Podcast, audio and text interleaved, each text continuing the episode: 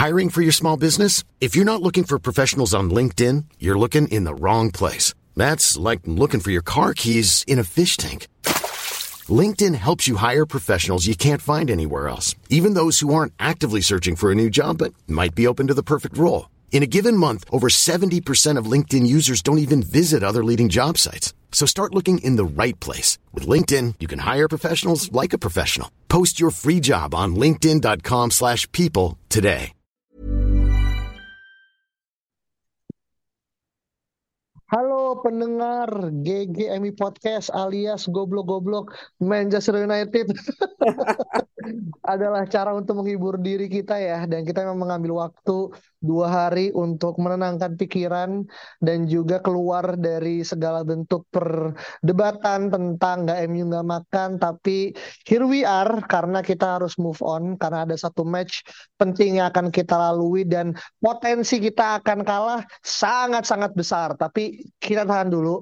Kita balik ke match melawan Brighton di mana ketakutannya Alvin gua dan Saung akhirnya terjadi. Gua mungkin lebih kepada dulu kemarin overconfidence ya gue ngerasa match Brighton tuh kayak Liverpool musim lalu gitu kan. Ternyata enggak sama sekali gitu. Mungkin iya Nah, kayak Liverpool tapi yang pasti ini di Anfield kali ya. aduh. Iya iya iya. Nah pin dari starting. Kita mulai dari starting di mana akhirnya eh, agak lumayan eh, unik karena eh, kalau kita lihat kan pakai tetap pakai empat tiga tiga ya. Cuman adanya eh, Scott McTominay yang bermain dari awal dan dia bermain lucunya di sisi kanan ya. Kalau gue lihat ya secara ruang gerak kayak gitu. Tapi banyak hal yang akhirnya terjadi dan somehow keberuntungan belum berpihak ke MU karena beberapa chance yang ternyata terbuang bahkan golnya dianggap offside ya dari hahaha Hoylun gitu kan. Tapi dari squad eh, dari starting apa yang lo bisa lihat Vin?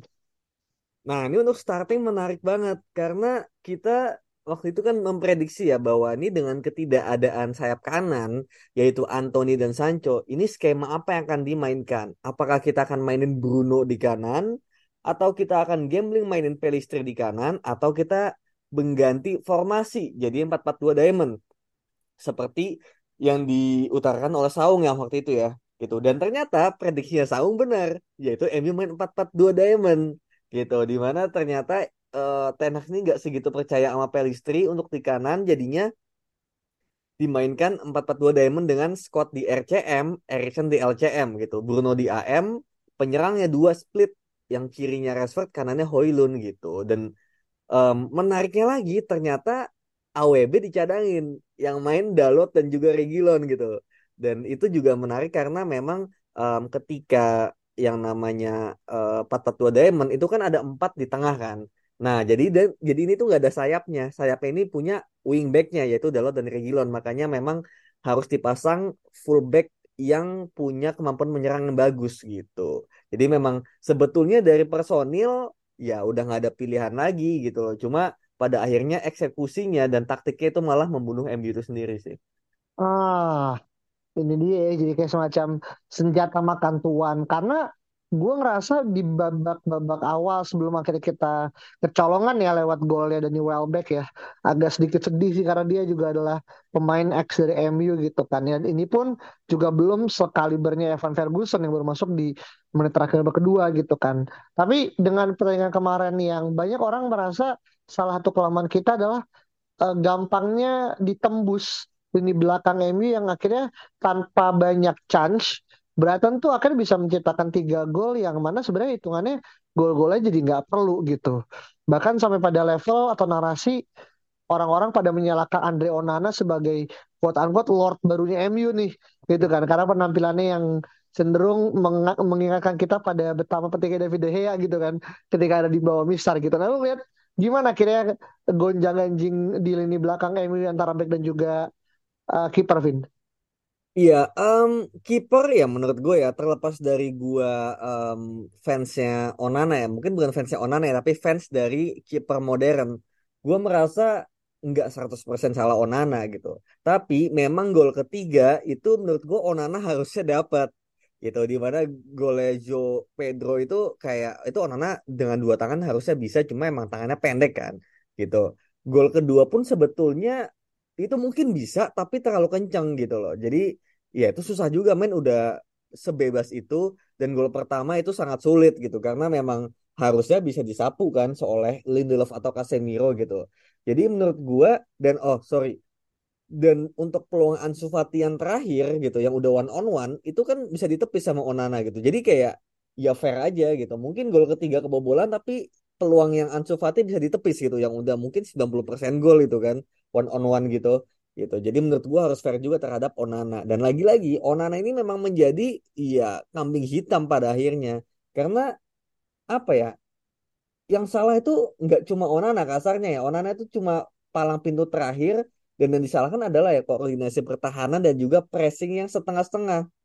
Kita juga sering lihat kan di uh, klip Twitter bagaimana tiga depan MU itu Højlund, Rashford dan Bruno Fernandes itu sangat mudah ditembus terutama si Rashford ya yang benar-benar jogging sepanjang pertandingan dan itu semua pandit benar-benar mengkritik dia habis-habisan bagaimana Rashford ini bahkan ketika ngedeketin pemain yang megang bola dia tuh nggak ada apa ya kayak action untuk nge-trigger press gitu loh untuk kayak mau ngerebut. Jadi benar-benar cuma ngedeketin doang gitu loh. Beda sama Højlund sama Bruno yang masih ada apa ya meskipun mungkin ada joggingnya tapi ketika mendekati lawan dia masih ada action buat kayak uh, mau ngerebut gitu loh. Tapi Rashford sama sekali nggak ada gitu. Jadi ini tuh apa ya kesalahan sistemik di mana depannya kelewat kemudian tengahnya kelewat dan akhirnya yang jadi tumbal siapa? Casemiro ke belakang gitu loh yang mana kita kan bermainnya defensive line-nya lebih tinggi gitu. Dan kita bermain pressing. Tapi pressing lu kayak gitu kasarnya ya dari gua mending lu nggak usah main pressing kalau lu nggak niat buat pressing gitu loh. Oh sih. itu itu itu kalau mau ini ya mau apa namanya bego-begoan aja ya. Lu kalau pressing tapi setengah-setengah gitu lu mending gak usah pressing mending lu balik ke low block kayak musim lalu menunggu gitu loh. Ini lu pressing berarti kan lu push pemain lu lebih banyak ke depan kan? Iya kan? Nah Ya, udah push lebih banyak ke depan tapi dilewatin. Nah pemain sisa di belakang kan lebih sedikit jadinya. Gitu aja logikanya gitu. Jadi harapannya dengan nge-push banyak pemain ke depan untuk pressing dan merebut bola itu kan berhasil gitu loh. Pun ya. kalaupun gagal at least lu berusaha. Gitu aja sebetulnya. Ini tuh apa ya kesalahan sistem yang emang dari depan kemudian ke belakang ke tengah kemudian ke belakang ke kiper gitu loh. Jadi emang ini salah tuh dari depan sebetulnya. Oke, akar masalah itu adalah dari dua di depan ya, atau mungkin lebih kita spesifikin ke Rashford yang tidak hanya gue lihat secara defensive contribution dan juga pressingnya yang kurang ngotot, tapi juga yang orang sering akhirnya lihat sebagai perdebatan adalah terkait dengan decision making ya, Vin ya, yang di mana kita ada banyak momen di mana Rashford ini terlalu cenderung mengambil waktu yang agak sedikit delay sebelum akhirnya dia mengumpan kepada Højlund gitu. Dan dibuktikan dengan gol yang dianulir ya terkait dengan eh off eh sorry bola udah keluar gitu kan. Walaupun banyak orang akhirnya menganggap itu agak mirip kayak gol Jepang ya pas di Hmm, Piala Dunia Vin ya. Yang ya akhirnya jeda 0, berapa senti itu udah dijadikan suatu justifikasi kalau bola masih in gitu kan. Tapi terlepas apa yang kemarin tuh gue ngerasa gini satu hal yang akhirnya kalau nggak salah lu atau Saung pernah bilang kayak dengan dimainkan Rashford berada di sisi sayap ya atau mungkin kemarin lebih ke wide forward di kiri. Buat gua dia sama Højlund tuh belum menemukan kecocokan karena emang Rashford tipikalnya adalah tipikal yang uh, finisher ya gitu ya. Ya sama kayak Højlund juga gitu. Bukan kayak tipikal kalau misalkan kita melihat winger-winger yang sifatnya provider ya.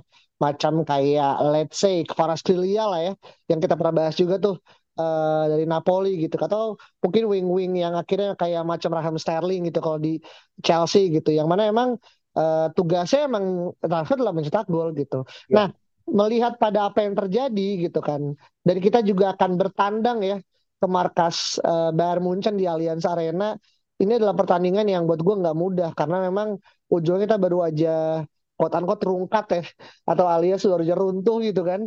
Eh tiba-tiba kita udah dapet durian yang sekarang akhirnya meminta tumbal gitu.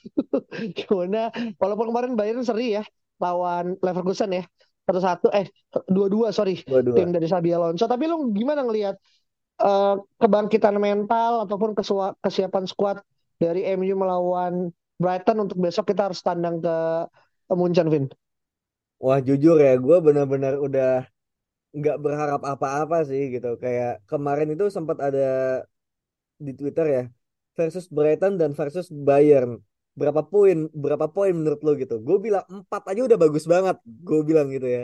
Ini udah nol gitu. Jadi nggak mungkin empat gitu. Kemungkinan nggak enggaknya tiga tapi satu aja udah bagus sekarang gitu. Gue ralat Iya, udah iya, empat iya. aja bagus tapi satu aja bagus ini gitu. Jadi kayak apa ya? Menurut gue bener-bener udah hancur semuanya dari sisi taktikal hancur, dari sisi mental juga hancur, confidence juga hancur gitu loh. Jadi bener-bener menurut gue, gue nggak tahu apa lagi yang bisa membuat MU itu nanti lawan Bayern bisa survive gitu loh.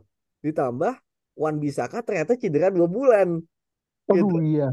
Jadi kita bakal selama mungkin dua bulan, sebulan dua bulan ke depan tuh melihat Dalot dan Reguilon secara reguler seminggu main dua kali dan dengan seperti ini gue nggak merasa mereka juga bisa survive ya. Sorry to say ya gue gue melihat ada momen di mana mereka bakal kena fatigue or cedera anyway gitu loh. Mereka salah satu dari mereka. Dan kalau itu beneran terjadi ya ini tuh kayak tinggal nunggu waktu. Masing-masing ada ada aja yang cedera gitu loh. Kayak ada yang sembuh ada yang cedera ada yang sembuh dan cedera gitu. Karena memang seperti yang kita lihat ya ini tuh bener-bener sebuah satu kesatuan sistem yang rusak gitu loh. Kita nggak bisa cuma ngelihat oh apa namanya ada pemain cedera. Lu tahu nggak cederanya apa gitu? Ini tuh cedera otot semua rata-rata. Bukan cedera yang abis tabrakan kayak Erikson ya. Cedera otot means lu tuh kecapean gitu. Mungkin ada porsi latihan yang terlalu berat karena kita bermain pressing tapi pemain tuh nggak ada yang sanggup gitu loh makanya pada cedera semua. Itu yang tadi juga di hari ini ya tadi gue juga sempat nulis banyak di Twitter juga banyak mengutip quote retweet dari banyak eh, analis bola juga bagaimana sepertinya ini tuh ada momen di mana kesalahan plan fitness plan-nya gitu loh yang salah. Kayak lihat fitness plan kita kan fitness coach kita kan masih zaman 2018 zamannya Mourinho ya kan? Jadi mungkin memang itu adalah fitness coach yang terbiasa untuk permainan Mourinho gitu atau permainan Ole yang low block.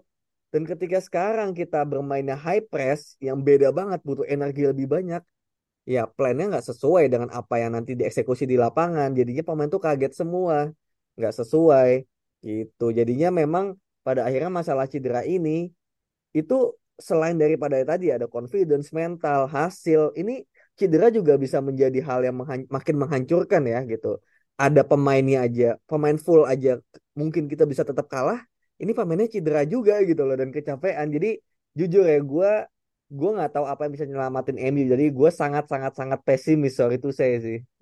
Hmm, Aduh, ini adalah ajang untuk kita akhirnya sama-sama berserah diri ya.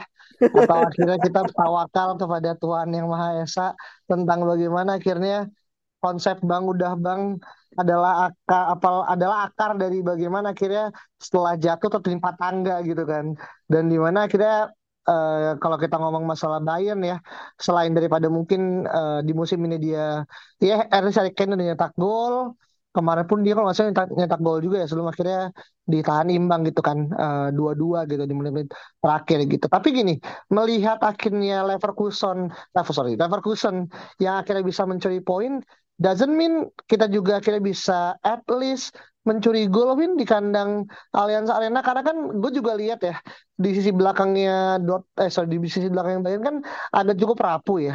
Apalagi itu juga baca tuh kalau Thomas Tuchel ternyata nggak terlalu suka tuh dengan gaya permainan Matthias De Ligt kan di mana pasti kalau di belakang gue sih yakin yang main adalah Dayot Upamecano sama Kim Min Jae gitu. Dan ya gue nggak tahu udah seberapa lekat chemistry antara dua ini cuman gue ngerasa emang masih ada lubang sih Vin di lini di belakang MU gitu. Dan terakhir kali kita main lawan Bayern itu kan kalau nggak salah eranya Patrick Evra ya yang tak gol lo ingat gak sih ya ya ya yang tak gol dari kalau nggak salah crossing dari Anthony Valencia. Valencia iya Ya. kan terus dari saya dari pokoknya dari antara back ke back lah ya full back ke full back gitu kan tuh golnya bagus banget eh, segala macam nah lu ngeliat itu bisa menjadi semacam kayak Dewi Fortuna yang masih eh, dimiliki sama MU nggak secara eh, Bayern yang juga mungkin masih belum terlalu uh, from secara penampilan. Men Dewi Fortuna itu udah menjauhi kita dari lawan Tottenham men. Gitu aja. Lawan Tottenham yang jelas-jelas handball itu nggak dikasih. Kemudian lawan Arsenal golnya Garnacho kayak gitu. Kemarin lawan Brighton berapa milimeter bola keluar keluar bolanya gitu. Jadi Dewi Fortuna tuh udah menjauh kita dari sebulan yang lalu gitu. Jadi apa yang bikin lo yakin Dewi Fortuna sekarang ada di pihak kita gitu loh. Jadi menurut gua udah kita mainnya jelek keberuntungan pun nggak ada gitu loh. Ini suwe ini suwe gitu loh. Udah udah rock bottom banget sekarang gitu. Jadi makanya gue bilang gue nggak tahu apa yang bisa nyelamatin MU kecuali emang Bayernnya goblok gitu loh. Nah segoblok gobloknya Bayern nggak akan segoblok MU gitu loh. Kayak at least dari sisi mental mereka masih oke. Okay. lagi susah cetak gol masih punya Harry Kane gitu loh. Kita Iya. cetak bisa ada peluang cetak gol aja resortnya begitu gitu. Ini Harry Kane dikasih bola nggak enak aja bisa gol men gitu loh. Dan eh, untuk catatan juga Leverkusen itu ranking satu men gitu. Karena dia Leverkusen tuh bagus banget mainnya Xabi Alonso dengan ada Florian Wirtz kemudian di sayap kanannya ada eh, Jeremy Frimpong ya. Iya. emang lagi bagus banget dan mungkin juga bisa jadi title contender yang sampai akhir musim karena emang mainnya bagus banget. Jadi memang eh, apa ya nggak heran kalau Leverkusen bisa menyulitkan Bayern gitu sih. Dan emang sih Bayern juga bukan lagi nggak lagi dalam performa yang baik ya. Tapi tadi lu bilang eh De Ligt mungkin nggak main yang main Upamecano dan Kim Min-jae tapi Kim Min-jae juga bagus gitu loh. Kayak Hmm. apa namanya Leverkusen bisa memanfaatkan karena emang dia bagus gitu. Tapi MU gue cuma punya satu saran gitu loh kepada MU ya the only way untuk bisa surviving this season ya adalah ya lu kembali bermain low block sih. Seperti Ah. lalu gitu loh lu bermain reaktif seperti musim lalu plek-plekan gitu. Jadi kayak lawan Brighton kemarin tuh seolah kayak pertandingan lawan Brentfordnya. Dan mungkin besok menjadi Liverpool. When you're ready to pop the question, the last thing you want to do is second guess the ring.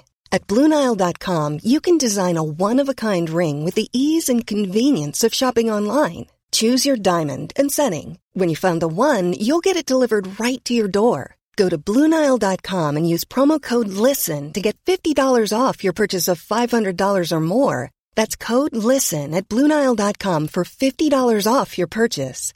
Bluenile.com code LISTEN. Planning for your next trip? Elevate your travel style with Quince. Quince has all the jet setting essentials you'll want for your next getaway, like European linen, premium luggage options, buttery soft Italian leather bags, and so much more. And is all priced at 50 to 80% less than similar brands. Plus, Quince only works with factories that use safe and ethical manufacturing practices. Pack your bags with high-quality essentials you'll be wearing for vacations to come with Quince. Go to quince.com slash pack for free shipping and 365-day returns. Gitu di mana kita Waduh. tapi dengan catatan itu tadi lu ngubah gaya bermain Ten Hag lagi-lagi harus meninggalkan filosofi bermainnya tapi jujur gue nggak yakin Ten Hag mau ngelakuin itu karena statement awal musim aja dia udah clear bahwa dia bilang saya ingin menjadikan MU tim dengan transisi terbaik di dunia gitu Iya, iya, iya, iya. lu udah ngomong kayak gitu tiba-tiba lu main low block setelah beberapa pertandingan kan kayak apa ya kayak kayak lucu aja gitu. Cuma kalau emang itu yang harus dilakukan untuk menyelamatin MU menurut gue Ten Hag harus menurunkan egonya ya gitu. Karena pressure gede. Ini tuh gini ini tuh mirip sama Arteta waktu itu. Kalau misalnya inget ya Arteta juga pernah ancur banget kan musim kedua atau musim ketiga sampai gue juga ngira ini Arteta out nih gitu. Tapi Arteta itu waktu itu nggak mengubah filosofi sama sekali gitu karena dia waktu itu belum dapat pemain yang dia inginkan kan gitu. Masih belum datang Iya. Jesus bahkan Tomiyasu belum datang gitu. Jadi em, tapi Arteta itu Arsenal itu nggak se apa ya nggak segede itu pressure di MU kayak di MU MU pressure gede men gitu. Kayak baru kemarin aja udah ada Ten Hag out Onana out siapa lagi out gitu kan. Martinez mungkin gitu. Jadi sekarang pilihannya ada di Ten Hag sih. Lu mau maksain pakai sistem yang pemain ini nggak fasih meskipun harusnya seperti itu. Harusnya tuh lu bermain dengan apa namanya eh pressing ya gitu. Karena itu lebih lebih apa namanya ya itu level elit ya memang semua seperti itu pressing. Atau ya lu balik dengan yang old school tapi at least lu mengembalikan confidence dan juga apa ya kayak at least lu nggak kalah lagi gitu loh. Gitu Iya, sih. iya, iya, iya. Oke, yang penting adalah sekarang bagaimana Ten Hag menyelamatkan muka MU dan juga mental MU ya, mental pemain. Karena saya juga gue denger ini udah masuk ke ranah eh, dressing room ya. Wah, udah mulai bahaya nih gitu kalau udah mau ngomong masalah dressing room, berarti ada something wrong gitu kan secara pemain, secara pelatih dan juga staff yang membuat akhirnya eh, harmonisasi agak agak sedikit berkurang. Tapi semoga apa yang gue dengar kabar di Twitter nggak bener ya kalau emang ini hanya sekedar rumor yang di up sama ya jurnalis-jurnalis kaleng lah gitu kan. Tapi Apa balik ke emang? ya tadi gitu ti- eh, mulai terjadi disharmonisasi di ruang ganti gitu loh Vin. Itu yang tadi gue baca tadi sore sih. Eh, gue lupa tweetnya siapa gitu. Eh, cuman dari luar sih, bukan dari Indo ya, segala macam gitu. Jadi gue nggak tahu tuh apakah benar apa enggak, karena cuman sekedar highlight doang gitu. Tapi well, we'll see gimana gitu kan. Karena kan Tenak pinter banget ya kalau menyembunyikan masalah kebenaran ya. Kayak Ronaldo bilang dia dibutuhkan, ternyata dijual. De Gea adalah apa, ternyata dijual juga gitu kan. Jadi ya kita lihatlah bagaimana akhirnya musim ini akan terus berjalan. Tapi balik ke pertandingan besok, ini gue juga baca ya. Ternyata Tuchel itu besok nggak boleh mendampingi Munchen di pinggir lapangan karena dia mendapatkan kartu merah di musim lalu ketika Bayern kalah 4-1 melawan Manchester City. Yang di mana ini gua nggak tahu ya apakah ini adalah yang gua maksud Dewi Fortuna atau bukan, tapi setidaknya dia atau Tuchel nggak akan ada nih di sideline gitu kan yang memberikan arahan langsung dan mungkin akan diwakili sama asisten pelatihnya gitu kan. Itu satu. Yang kedua, Ten Hag kan juga pernah ya kalau nggak salah ya menjadi bagian dari Bayern Munchen kan. Gue Iya. lupa deh, iya kan. Di mana Ten Hag mungkin udah tahu tuh, ya sedikit banyak gambaran lah gitu. Karena lo ngerasa dari Tuchel out dari sideline dan juga Ten Hag yang pernah masuk ke dalam internal Bayern, ini adalah potensi yang harus bisa dimanfaatkan nggak? Di luar daripada lapangan 11 starting yang akan bermain. nggak tahu ya menurut gua nggak ngaruh-ngaruh amat sih gitu karena memang Bayern udah udah terbentuk lah mau mainnya seperti apa gitu loh sistemnya udah ada jadi pelatih ini ya ini pada akhirnya hanya mungkin sifatnya menyemangati satu dan juga ngasih instruksi secara taktikal khusus gitu ya gitu. Tapi kan dia juga bisa aja dia nanti nonton di eh, apa bangku penonton ngelihat ada something wrong dia kasih tahu asistennya di lapangan untuk mengganti gitu. Jadi sebenarnya menurut gue cuma presence-nya aja yang nggak ada gitu. Tapi secara taktikal itu sangat bisa untuk ada tweaknya lah menurut gue jadi jujur ya menurut gue itu nggak akan berpengaruh banyak karena lagi-lagi ini bukan masalah Bayernnya yang compang-camping atau enggak, tapi MU-nya gitu loh. Mau Bayern compang-camping, Brighton compang-camping, kalau MU-nya cacat ya cacat gitu loh. gitu. Kalau Nottingham aja yang cacat menurut gue ya, itu aja kita bisa 0-2 dulu gitu loh. Jadi gimana Bayern gitu. Jadi cuma kehilangan presence seorang pelatih itu nggak ngaruh. Pep Hmm. juga nggak ngaruh kan di City gitu kayak yang kayak nggak ada apa-apa gitu karena udah tahu mainnya kayak apa karena udah sehari-hari seperti itu latihannya polanya dan hanya apa ya itu kan juga pasti taktikal seperti itu udah diturunkan kepada asisten pelatihnya dan tim kepelatihan juga harus seperti apa gitu. Jadi menurut gua nggak akan terlalu ada masalah sih kalau dari Bayern ya gitu. Meskipun tadi lu bilang apakah ini di Fortuna tapi ya yang bisa menyelamatkan MU ya adalah ya MU sendiri sih. Pemain-pemain itu sendiri emang masih mau berjuang. Kalau enggak ya susah sih. Hmm, I see, I see. Ah, Ini adalah hal yang harus dipertanggungjawabkan ya sama MU dan juga segenap eh, sisi coaching staff ya. Eh, tapi gini, kalau kita lihat ya, eh, kenapa akhirnya MU mungkin atau Ten Hag punya strategi ya, at least bermain seri atau mungkin mengincar kemenangan. Karena ternyata, Vini, gue juga baca ya, MU itu nggak pernah sekalipun menang di Allianz Arena. Baik itu dari mungkin zamannya Sir Alex dan sebelumnya dan kita selalu kalah gitu kan. Minimal seri dari lima pertandingan terakhir kita kalah tiga kali seri dua kali gitu. Jadi emang ya seminimal minimalnya kita bisa mencuri poin adalah ya satu poin gitu. Nggak bisa tiga gitu. Dan di satu sisi kalau secara kita lihat dari eh, apa namanya eh, side defense ya. Kalau Bayern tuh baru kejebolan dua gol. Sementara MU, sorry, eh, kejebolan itu eh iya dua gol, sedangkan MU itu kejebolan 11 gol gitu. Iya kan, 10 gol bahkan 10 gol gitu kan. Yang mana kayak buat gue ini adalah hal yang sangat-sangat mustahil gitu. Apalagi kalau misalkan kemarin ya tiba-tiba Ten Hag masuk ke Anthony Martial gitu kan, menit 70 gitu yang bahkan dibu gitu kan. Iya.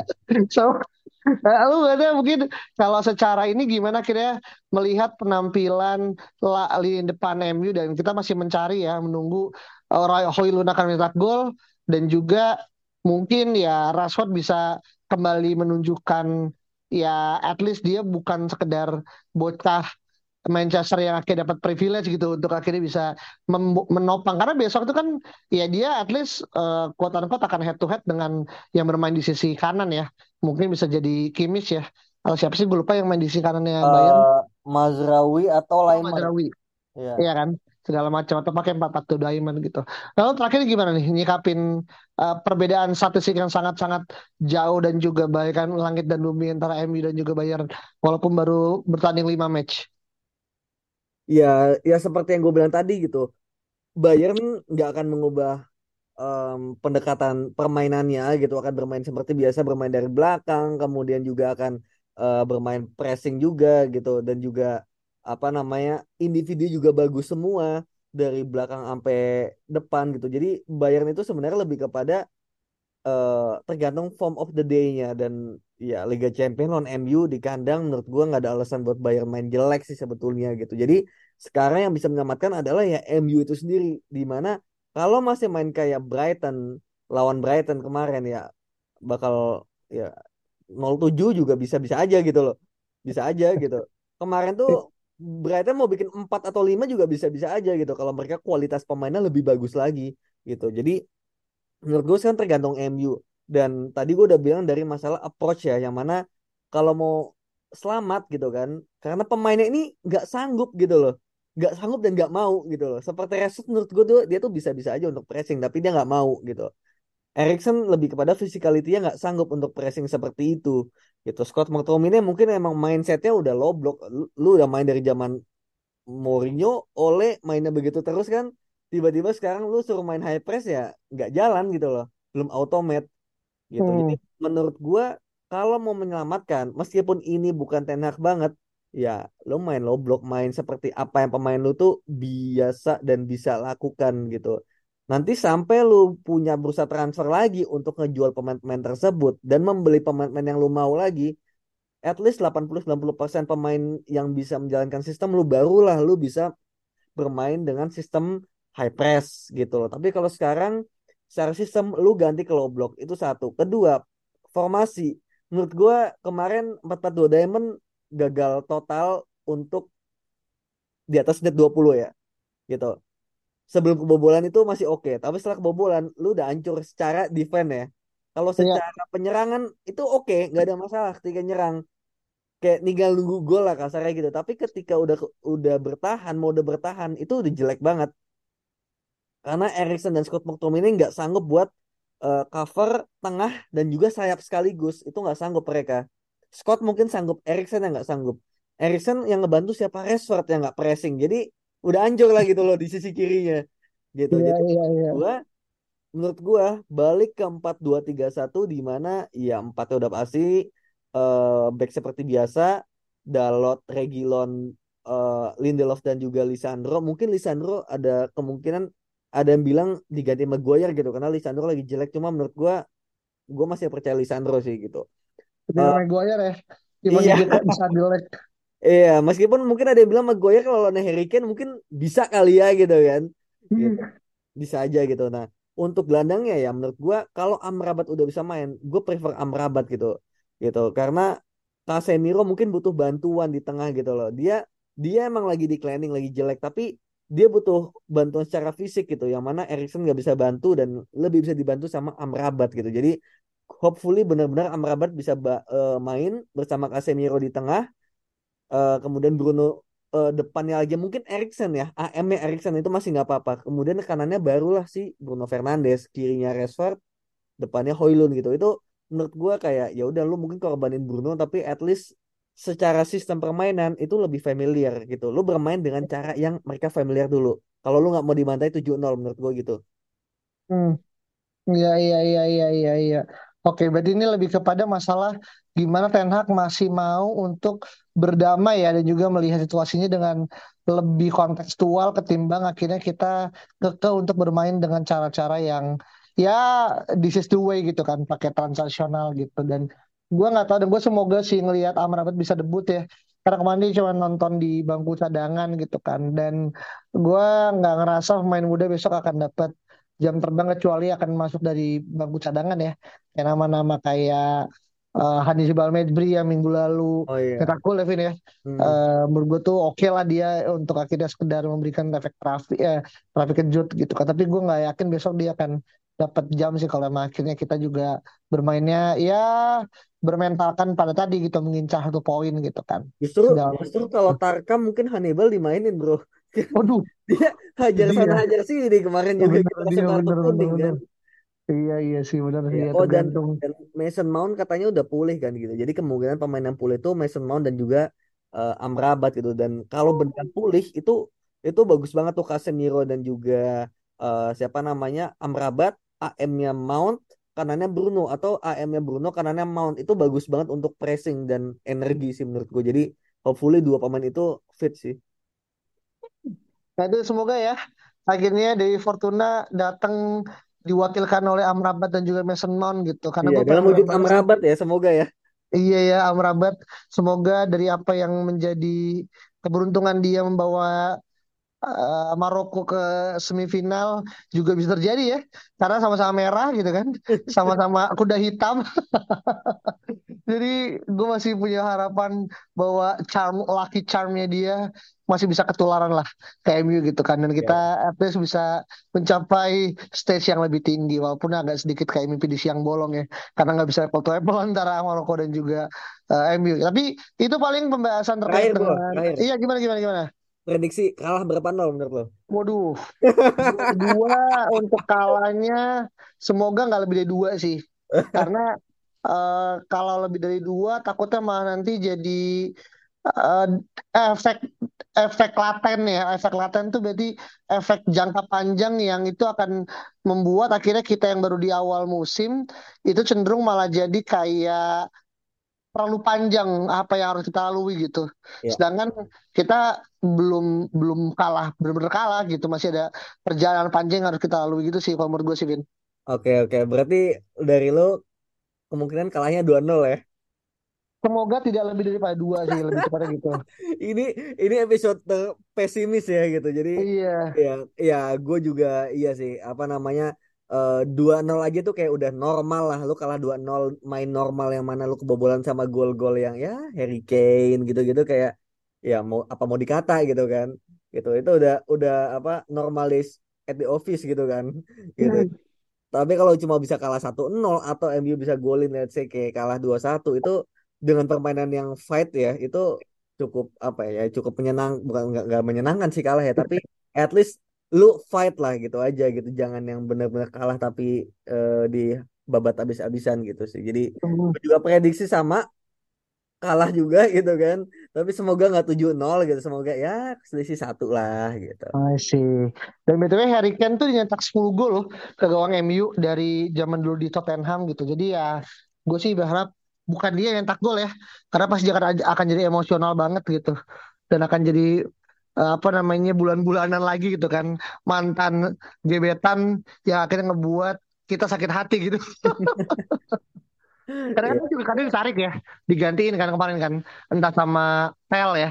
iya. Atau siapa gitu gue lupa. Tapi dia eh, nggak main full kemarin nih lawan Leverkusen. Gue nggak tahu apa karena masalah kebugaran atau masalah taktikal. Tapi ya well semoga tidak liar ya besok di depan gawang dan mengacak-ngacaknya di belakang kita yang cenderung masih mencari pola lah dari apa yang akhirnya ada sekarang gitu.